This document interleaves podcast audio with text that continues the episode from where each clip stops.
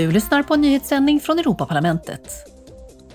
Överenskommelsen från FNs klimatkonferens COP27 i Sharm el-Sheikh i Egypten räcker inte om världen ska nå upp till klimatmålen.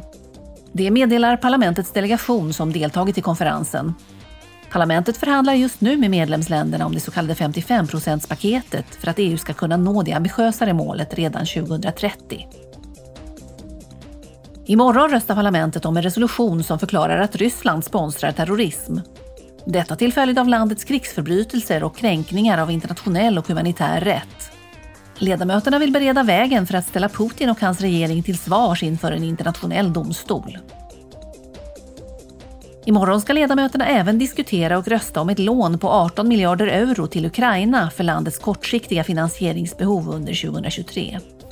Under en frågestund idag diskuterar ledamöterna med EUs utrikeschef Josep Borrell om hur man säkerställer den fortsatta exporten av spannmål och konstgödsel över Svarta havet. Du har lyssnat på en nyhetssändning från Europaparlamentet.